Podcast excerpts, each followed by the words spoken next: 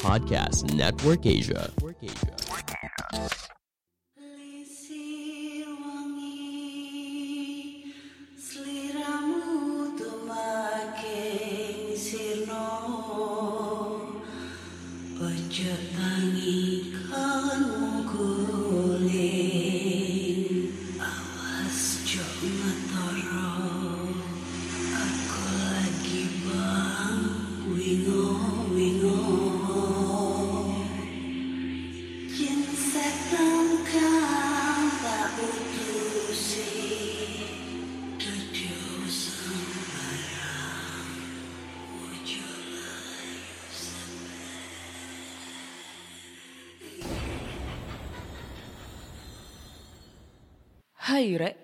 iya apa kabar Ketemu lagi dengan aku si Ana di podcast kisah horor.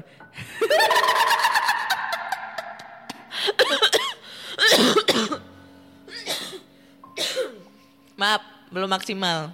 Nah, jadi kita bertemu di episode 175 dan di episode kali ini akan membacakan cerita horor ataupun email berhantu yang sudah dikirimkan teman-teman melalui podcast kisah horor gmail.com atau di Instagram podcast kisah horor serta Google Form yang lainnya tersedia di bio Instagram podcast kisah horor.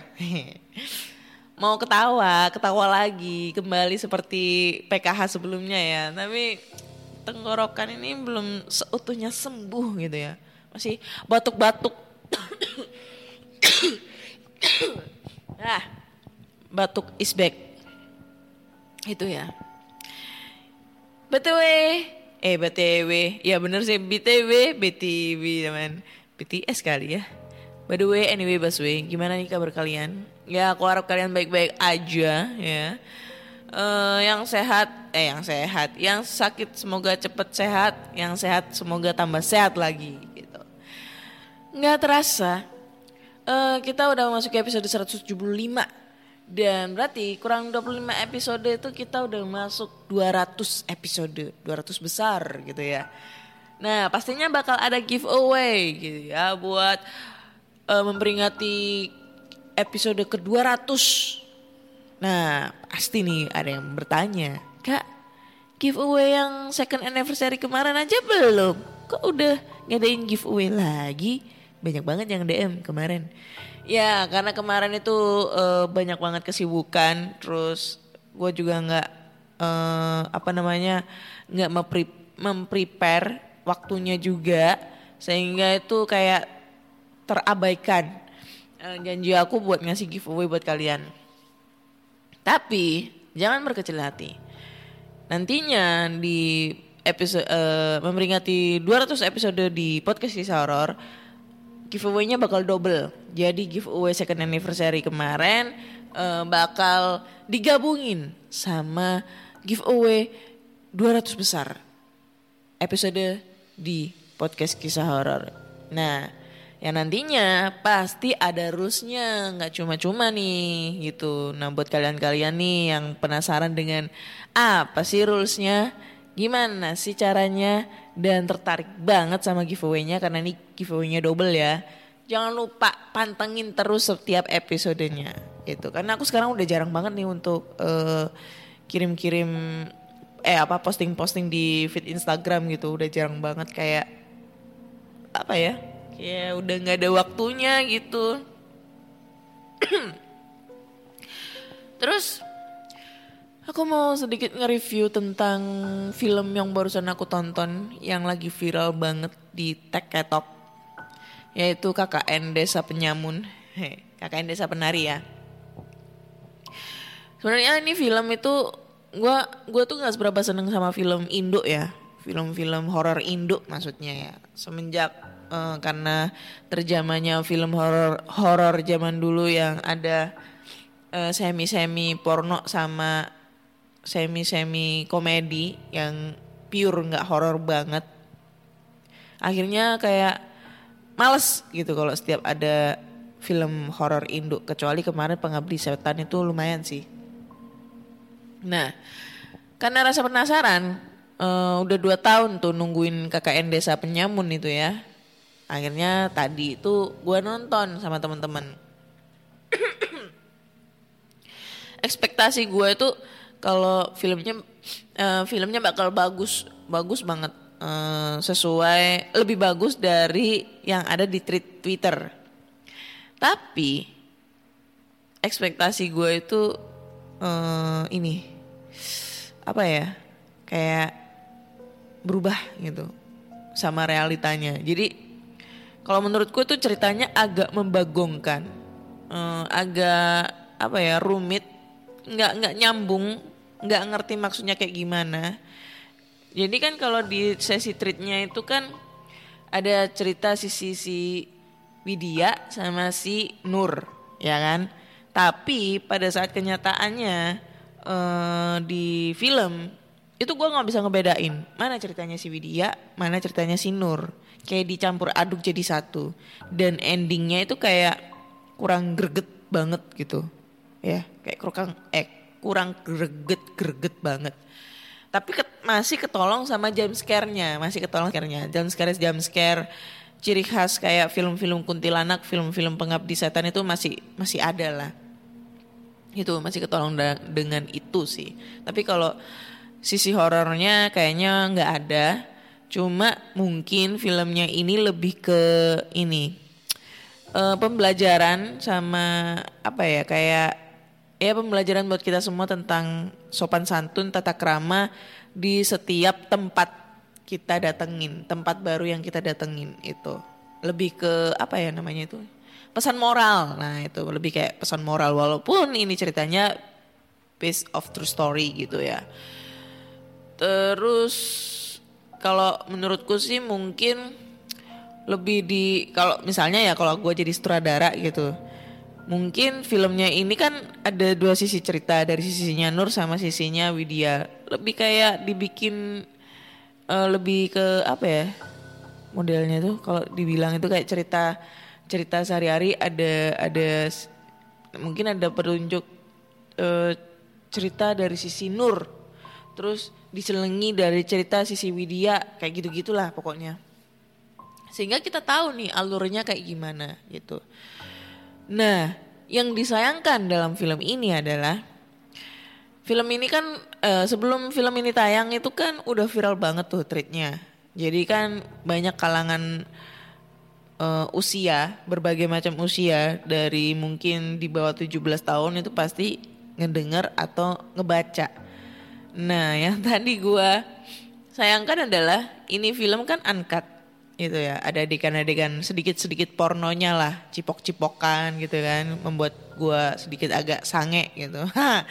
Sama adegan ya adegan apa ya telanjang ada ada ade- adegan telanjang dikit-dikit banget gitu. Tapi pas gua nonton itu banyak anak kecil yang nonton. Nah itu yang gue sayangin. Seharusnya kan mungkin dari walaupun oke lah gue nggak mempermasalahkan masalah filmnya tapi gue mempermasalahkan masalah eh, peraturan di bioskopnya seharusnya pada saat eh, orang tiketingnya ngejaga di depan itu eh, sudah melarang atau pada saat anak-anak ini beli tiket itu melarang bahwa tontonan ini untuk usia 17 tahun ke atas itu. Jadi pada saat anak-anak ini yang masih SMP, bocil-bocil atau SMA gitu nonton, beli tiket itu udah dilarang sama tiketing sama eh, petugas tiketnya sama penjaga di depan pintunya gitu. Yang gue sayangin cuma itu doang sih. Tapi eh, overall Mayan lebih ke pesan moral kalau horor kurang dapat dan jujur gue tadi pas nonton gue tinggal main game Mobile Legend soalnya udah mulai akhir-akhir pada saat si Ayu itu jadi dawuh itu udah mulai kurang menarik tuh kurang kurang kurang kurang greget gitu deh itu sih review aku oke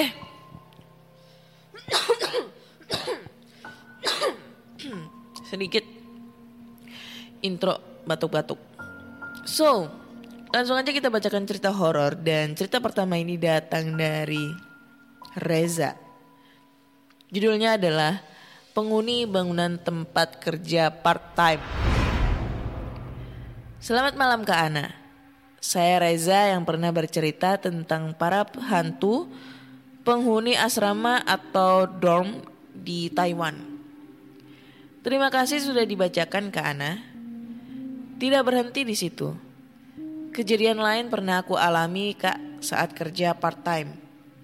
Langsung aja. Selain menjadi seorang mahasiswa di Taiwan, aku pun mencoba berhemat sama seperti mahasiswa pada umumnya.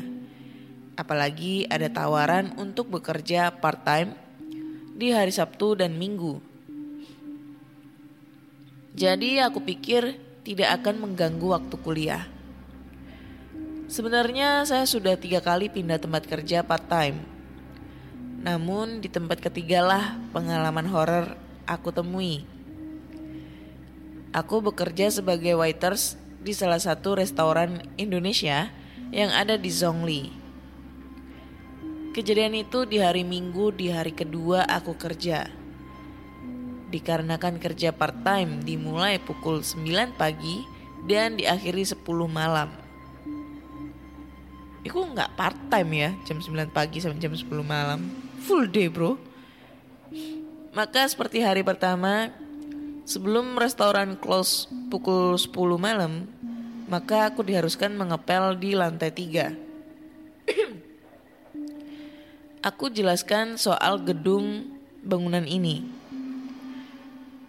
Restoran ini memiliki lima lantai dengan mode bangunan tua dan usang. Lantai satu dipergunakan sebagai dapur dan kasir, serta beberapa kursi dan meja makan.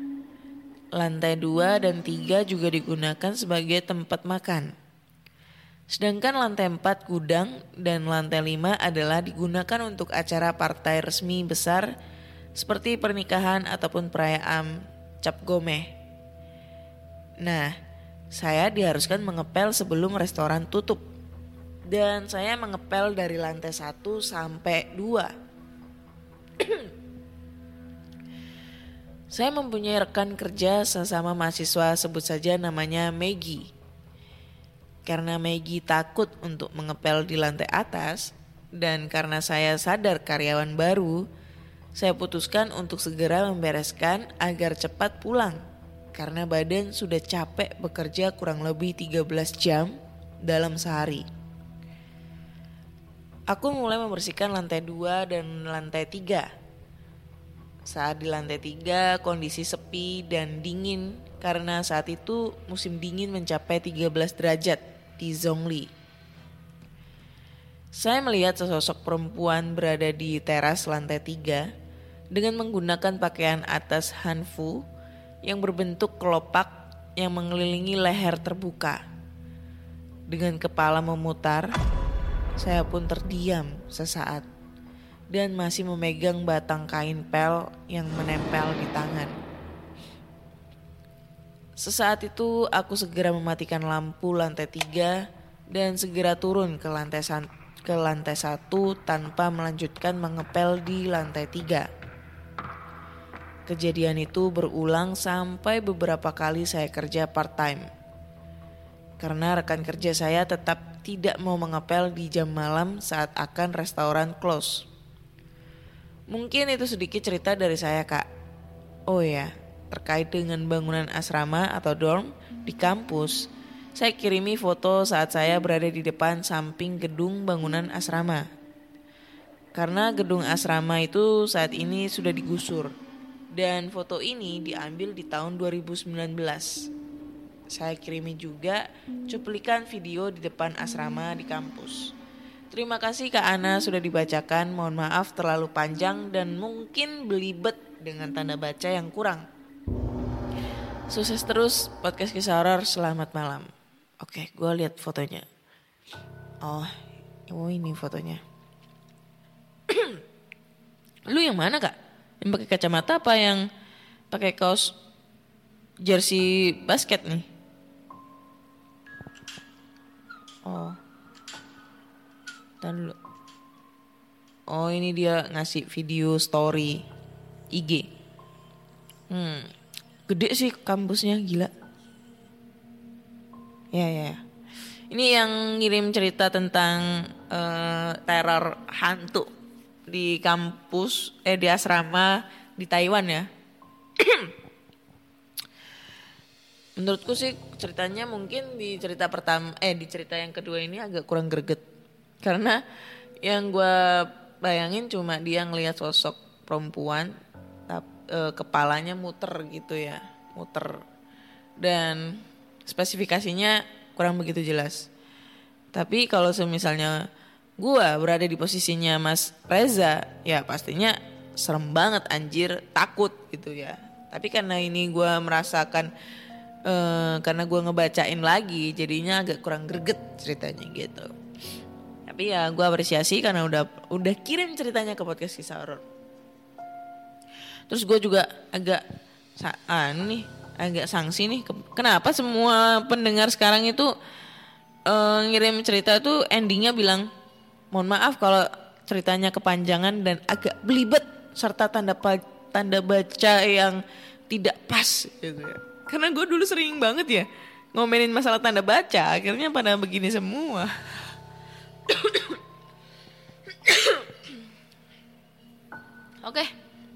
Lanjut ke cerita kedua. Cerita kedua ini datang dari siapa nih? Cerita kedua ini datang dari Kim yang judulnya adalah Hantu Longga dari Sulawesi. Halo semuanya, namaku Kim. Aku pengen cerita soal hantu longga yang aku alamin waktu mudik baru-baru ini. Sulawesi itu juga ada kisah seremnya loh. Hantu paling terkenal itu ya hantu longga. Sosoknya tinggi besar, menyerupai bayangan hitam kayak begu ganjang. Kalian tahu kan begu ganjang itu apa? Itu adalah hantu dari Sumatera. Waktu itu aku lagi liburan ke Sulawesi, tepatnya di bagian Tenggara. Suatu hari di sela-sela hari-hari acara mudik, aku nginepnya seminggu. Aku duduk di balkon depan rumah saudaraku sama sepupuku, Mike. Aku cerita-cerita soal teman-temanku yang dikejar hantu saat mereka main jelangkung tengah malam dan betapa konyolnya mereka menghadapi hantu sampai ada yang terkencing-kencing. Lalu kami tertawa-tawa. Lalu giliran Mike menceritakan tentang hantu longga di sana. Ternyata hantu longga itu punya kebiasaan lebih loh. Dia nggak seperti begu ganjang. Begu ganjang yang biasanya baik dan bisa menolong manusia, tapi longga tidak demikian. Dia sering menampakkan dirinya dan mengganggu manusia. Yang tidak kuat iman waktu melihatnya akan menderita sakit yang tidak kunjung sembuh, sembuh sampai mati. Dulu waktu balita, ayahnya Mika pernah melihat hantu longga. Berarti hantu longga sudah aja, eh sudah aja, sudah ada sejak tahun 60-an. Aku nggak sadar sudah hampir maghrib. Waktu itu rumah Mike masih dekat hutan. Jadi depan balkon persis itu ada hutan. Jadi kami membayangkan yang seram-seram. Eh, bener aja. Aku dengar ada suara mencangkul dari kejauhan yang makin lama makin dekat. Dan aku tahu Mika juga mendengarnya karena dilihat dari raut wajahnya yang sudah cemas. Dan aku lihat dari kejauhan, kejauhan sana di tengah hutan ada sosok hitam tinggi besar. Aku tahu Mika juga melihatnya. Tapi untung kami pura-pura tidak menghiraukannya dan beralih topik pembicaraan yang lain dengan Mika. Apa sebaiknya kita masuk rumah saja dan mandi? Ajak Mika. Ayo, kataku. Lalu kita masuk rumah dan mengunci pintu rapat-rapat dalam keheningan dan kami berdua dalam keadaan merinding. Terima kasih kak, sekian ceritaku. Hantu longga, longga, longga. Ntar gue mau pengen tahu sih hantu longga tuh kayak gimana. Aduh, masih pilek nih.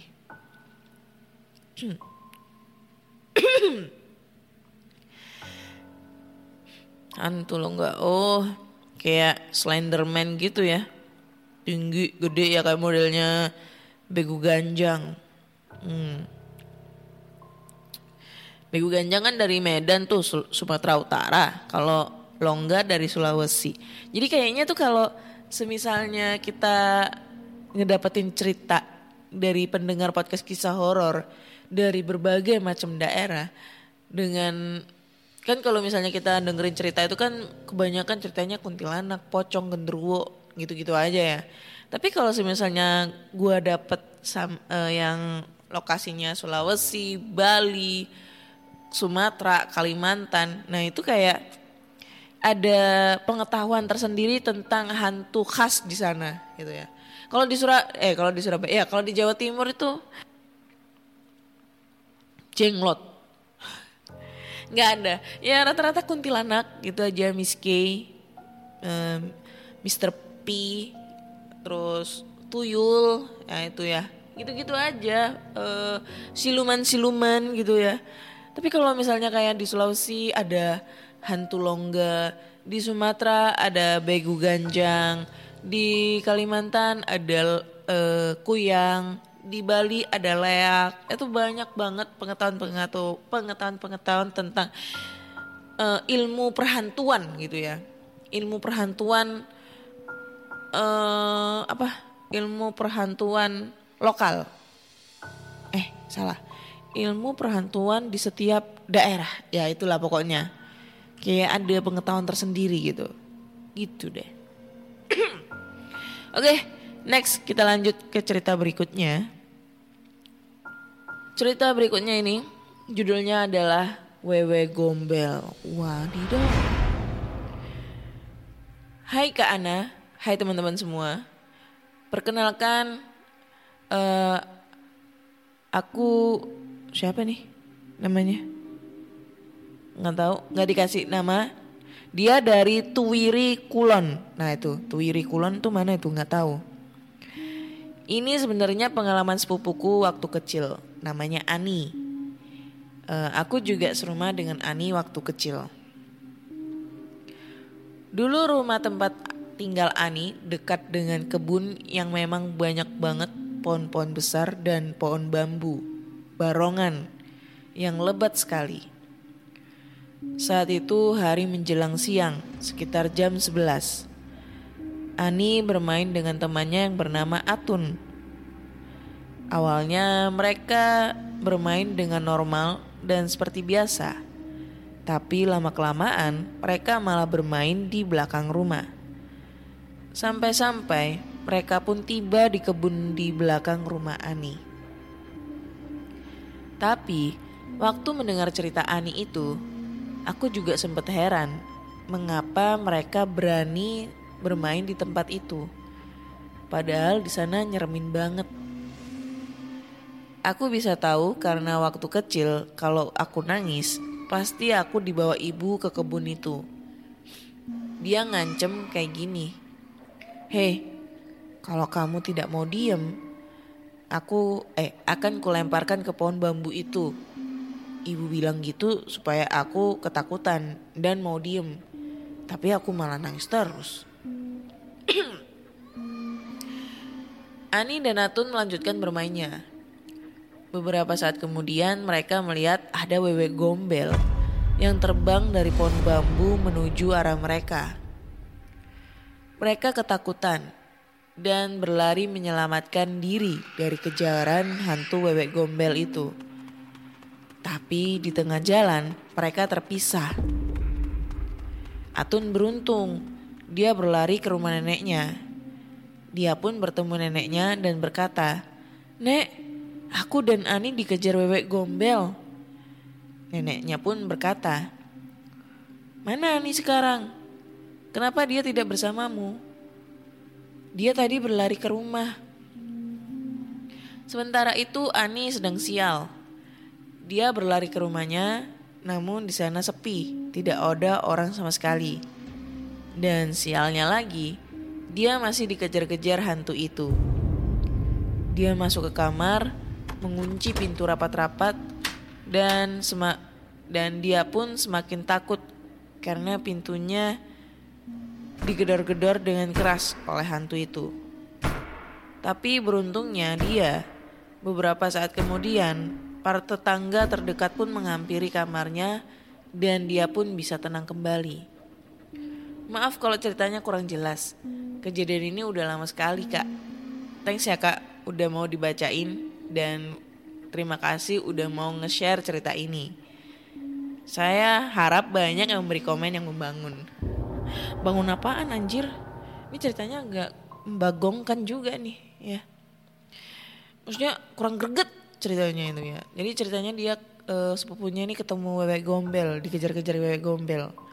Tapi kayak kurang greget ceritanya. Padahal kalau dari judul nih ya, dari judul wewe gombel itu udah serem anjir. Perumpamaannya udah serem banget. Kalau gua kan nggak bisa ngelihat nih, gua nggak bisa ngelihat hantu. Tapi kalau ngelihat dari ilusionis, oh kalau ilusionis lu kira Romi Rafael. Ini dari illustration. Ya, wah, sh- illustration. So English lu nah. Ilustrasi ya, ilustrasi. Gambar-gambar. Wewe gombel. Itu serem banget anjir. Yang eh, dia badannya kurus, telanjang, rambutnya awut-awutan, kukunya panjang-panjang, tangannya panjang, dan itunya panjang. Tahu kan itunya apa? Susunya panjang, ya payudara maksudnya ya. Ini di sini mah nggak ada sensor-sensoran nggak apa-apa masalahnya. Jadi payudaranya tuh panjang banget sampai bawah. Nah, itu yang biasanya eh apa ya? Katanya sih kalau kalau kalau dulu zaman dulu tuh denger-denger tuh wewe gombel itu eh, istrinya genderuwo. Nah, dari situ mereka punya punya anak namanya Grandong. Kayak gitu kalau ceritanya di Mak Lampir itu kayak gitu. Jadi wewe gombel, istrinya genderuwo. Nah, dari situ mereka punya anak namanya Grandong. Nah, dari situ apa ya? Kalau cerita yang dulu udah pernah gue cerita-cerita ini ya di episode-episode sebelumnya.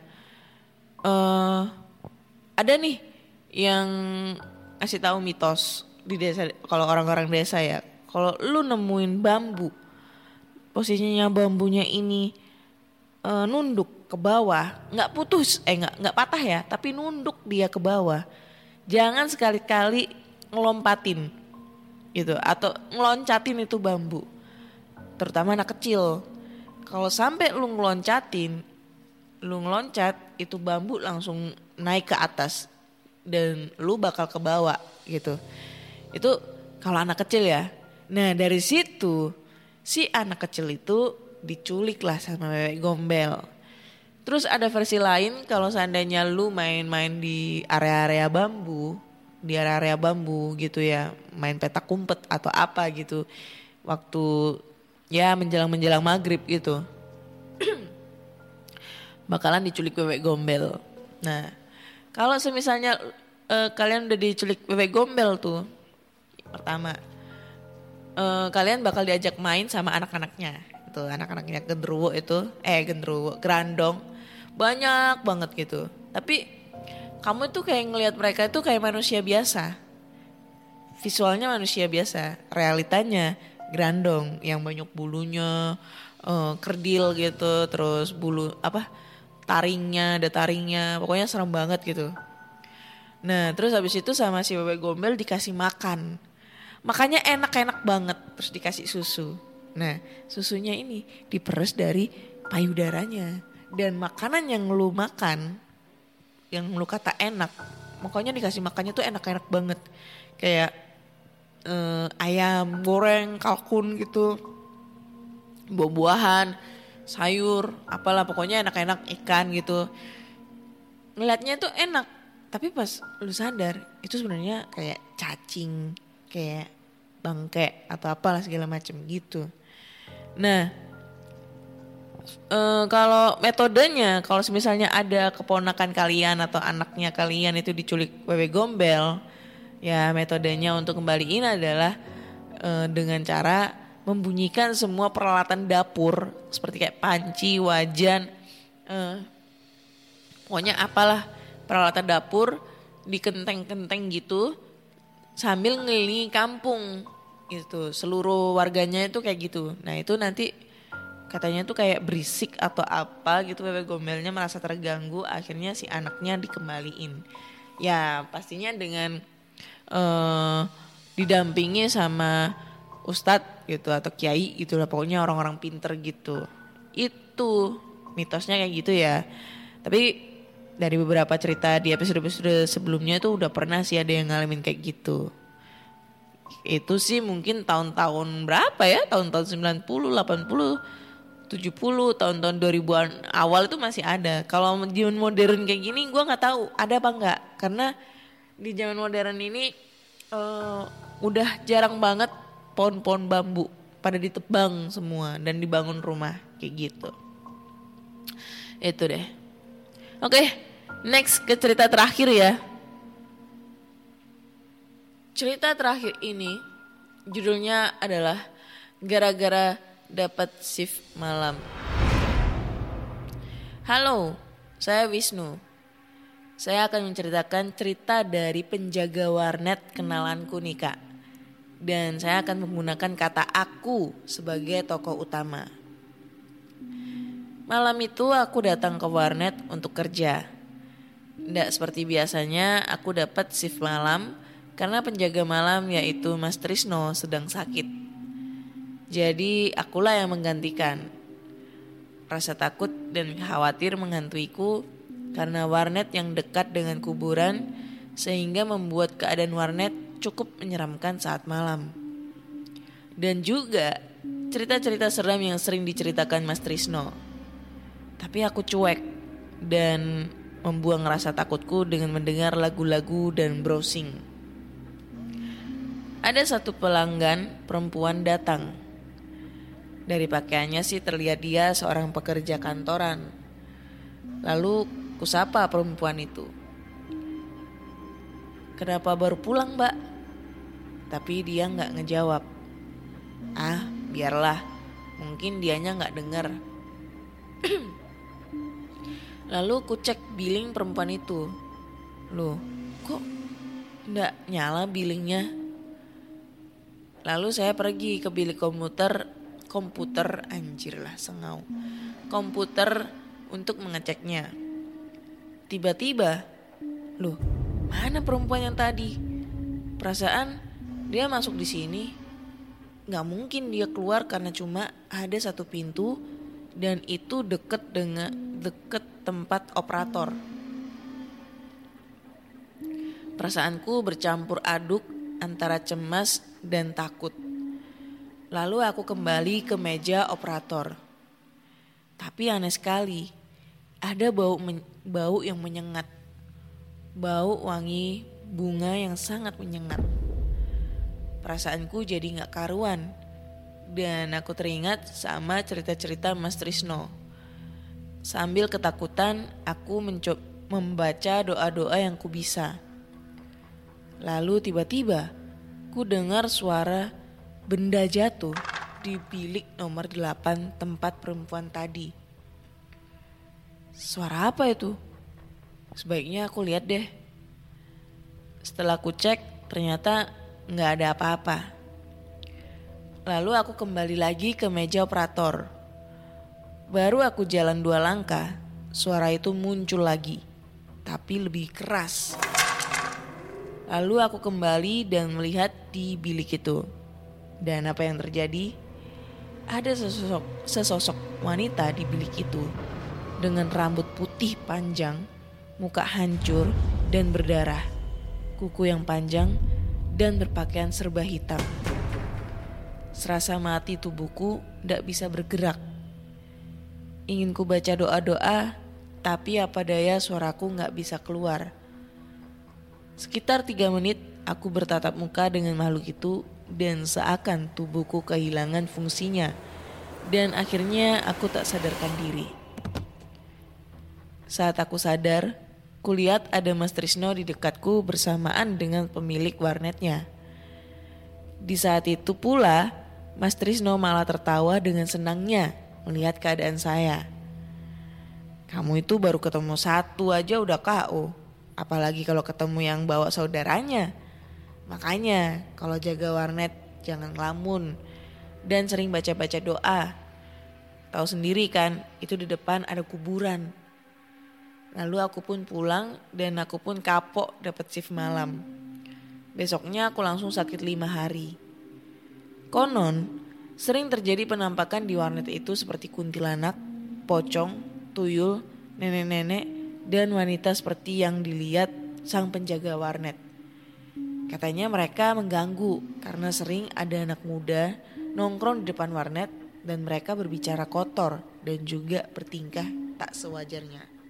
Oke. Thanks banget tadi siapa namanya sih? Wisnu apa Wahyu ya?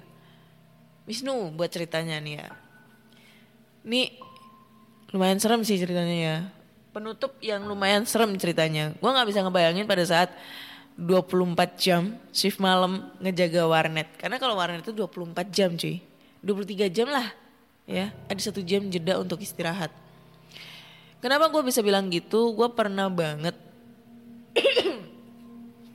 dapat cerita. Gue baru inget nih penjaga warnet. Tapi ini zaman waktu gue masih sekolah farmasi di Kediri.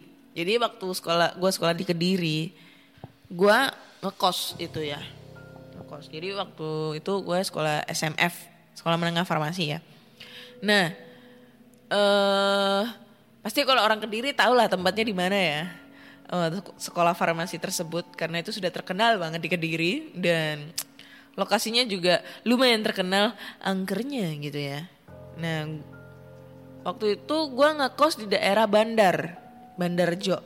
Gue masih inget banget Bandar Jo Gang 2B, ya nomornya nomor rumahnya nggak usah diinget nggak usah disebutin terus itu tahun 2006 2006 uh, gue sekolah di situ nah karena gue ngekos dan aku orangnya dulu itu tomboy banget kayak laki laki gitu ya tapi masih normal masih doyan cowok gitu ya terus waktu itu juga gabut banget bete sama ibu kosnya karena ibu kosnya terlalu uh, over banget apa peraturannya terlalu ketat banget.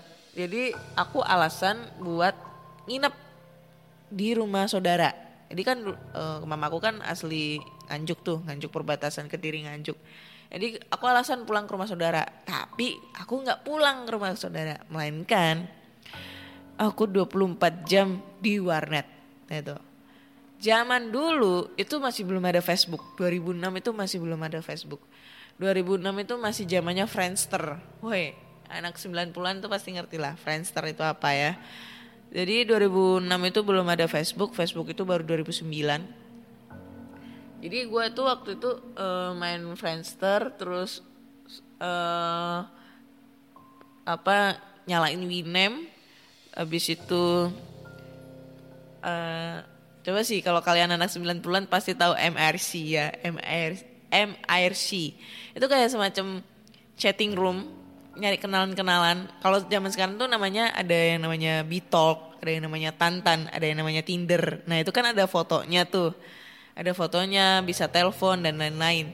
Tapi kalau MRC itu nggak bisa telepon, nggak ada fotonya. Jadi uh, cuma chat-chat biasa. Ada roomnya sendiri, ada room cewek Bandung, cowok Bandung, cewek Surabaya, cowok gaul kayak gitu gitulah banyak banget lah roomnya jadi kita bisa pilih-pilih roomnya nah waktu itu kegiatan gue cuma main Friendster eh, main MRC jadi kalau misalnya nanti kita penasaran dengan fotonya itu anak kita ngeliat di Friendsternya gitu. Friendster tuh dulu waduh canggih banget. Bisa wallpaper ala-ala emo, klip-klip gitu-gitulah ya. Habis itu kalau misalnya kita penasaran ngeliat eh pengen video call nah, kita sewa webcam. Habis itu kita uh, video call lewat Yahoo Messenger gitu. Aduh apa ya kangen banget dengan zaman zaman gitu. Nah waktu itu uh, kebetulan yang dulu gue pernah cerita nih waktu rumor-rumornya ada pocong keliling tapi di beda gang. Di beda gang. Bukan di gang gua melainkan di belakangnya rumah sakit uh, Gambiran Kediri itu di tempat kosnya temanku. Nah waktu itu uh, gua gabut. Stres gitu kan. Nah akhirnya karena bosen nih main main komputer main main chat-chatan. Gue kan kalau misalnya kalau ngechat ngechat itu kan main primbon nyari nyari primbon cerita cerita horor gitu kan. Nah akhirnya gue ini ngobrol sama operator warnet. Kebetulan operator warnetnya ini lagi sama ceweknya. Jadi gue berani nih ngajak ngobrol. Nah, terus posisinya itu dia cerita horor tentang pengalamannya jaga warnet tengah malam sendirian. Di situ cuma ada dua dua ini dua apa namanya dua pengunjung doang. Terus tiba-tiba katanya nih ya ada cowok itu datang ke warnet gitu. Datang ke warnet terus uh, nanya kayak cowok biasa gitu katanya nanya mas nomor berapa nih yang kosong gitu kan. Terus si masnya itu jawab oh nomor 5 gue ngawurnya ini nomor berapa? Gue lupa nomor berapa. Pokoknya dia bilang oh situ nomor 5 mas gitu. Terus dia masuklah ke biliknya itu. Nah pas ada satu eh nggak sampai nggak sampai setengah jam sih. 10 apa 20 menit gitu. Itu billingnya nyala billingnya nyala gitu. Nomor 5 billing nomor 5 itu nyala ada yang make. Nah pas sekitar 10 apa 20 menitan gue lupa. Udah lama banget ceritanya. Nah di, si pem, si operatornya itu kebelet pipis gitu kebelet pipis. Nah dia ke toilet dah itu sekalian mau bikin kopi gitu. Nah posisinya dia mau ke toilet itu kan toiletnya di belakang. Nah jadi kalau dia mau ke toilet itu ngelewatin bilik nomor 5 dan kalau kalau kalian tahu kan warnet kalau bilik itu kan nggak ada pintunya sih itu biliknya cuma biasa gitu meja terus habis itu di sekat-sekat gitu. Terus kelihatan dari atas gitu. Nah pas dia lewat bilik nomor 5 itu gak ada orang gitu kan.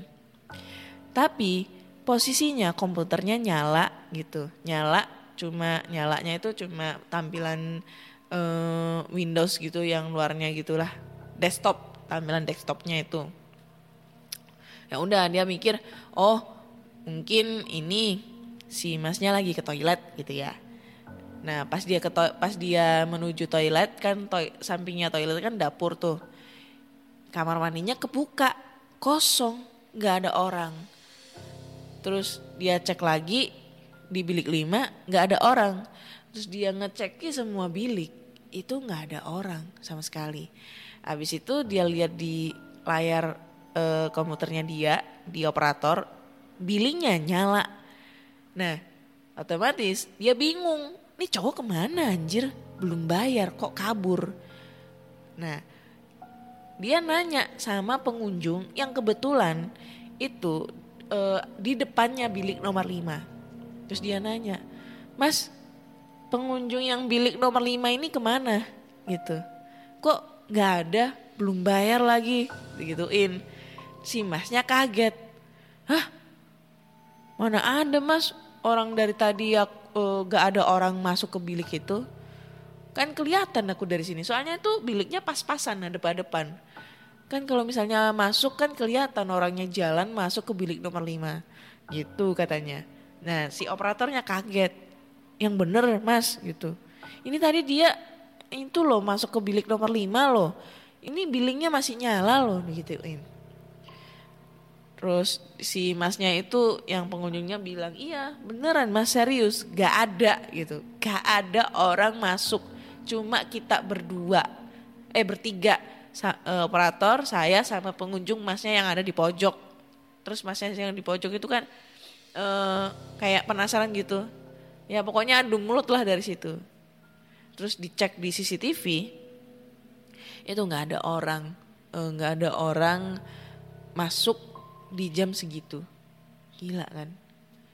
Gila. Ini setannya canggih cuy. Di zaman itu 2006 setannya canggih udah bisa main komputer udah bisa ngeklik ngeklik billing komputer gitu ya billingnya ada lumba lumbanya itu ya kalau sekarang itu sekarang udah jarang warnet warnet itu udah jarang karena kebanyakan orang itu maksudnya udah jarang orang nge-warnet ya. Jadi ke warnet itu cuma numpang ngeprint doang. Kalau main-main di warnet tuh udah jarang banget karena kebanyakan orang sekarang udah punya gadget. Gadget aja udah bisa ngeprint suatu berkas lewat gadget. Kalau nggak gitu udah punya laptop eh, masing-masing gitu. Beneran dah. Zaman tahun 90 2000-an awal itu zaman-zaman ngangenin banget. Kalau kalian generasi itu kan pasti kalian kangen banget gitu. Eh, ke warnet gitu kan. Terus habis itu kalau biasanya kan operatornya suka nyalain musik tuh. Nah, musik-musiknya biasanya lagunya ada band yang Surga Cinta. Ah, Surga Cinta. Kalau gitu lagunya Ungu, lagunya Peter Pan yang eh, ada apa denganmu atau lagunya Peter Pan yang eh, mungkin nanti gitu-gitu jir. Gila kangen banget. Oke deh kayaknya cukup sekian dulu di episode 175 ini. So buat teman-teman semua nih yang pengen bagi, berbagi cerita jangan lupa kirim cerita kalian ke podcast kisah horor at gmail.com atau DM Instagram podcast kisah horor serta Google Form yang linknya tersedia di bio Instagram podcast kisah horor. Jangan lupa juga eh, follow podcast kisah horor di Spotify dan di Noise. Dan jangan lupa kasih rating bi- bintang 5 untuk podcast kisah horor di Spotify. Akhir kata saya Ana undur diri. Terima kasih sudah mendengarkan dan bye-bye.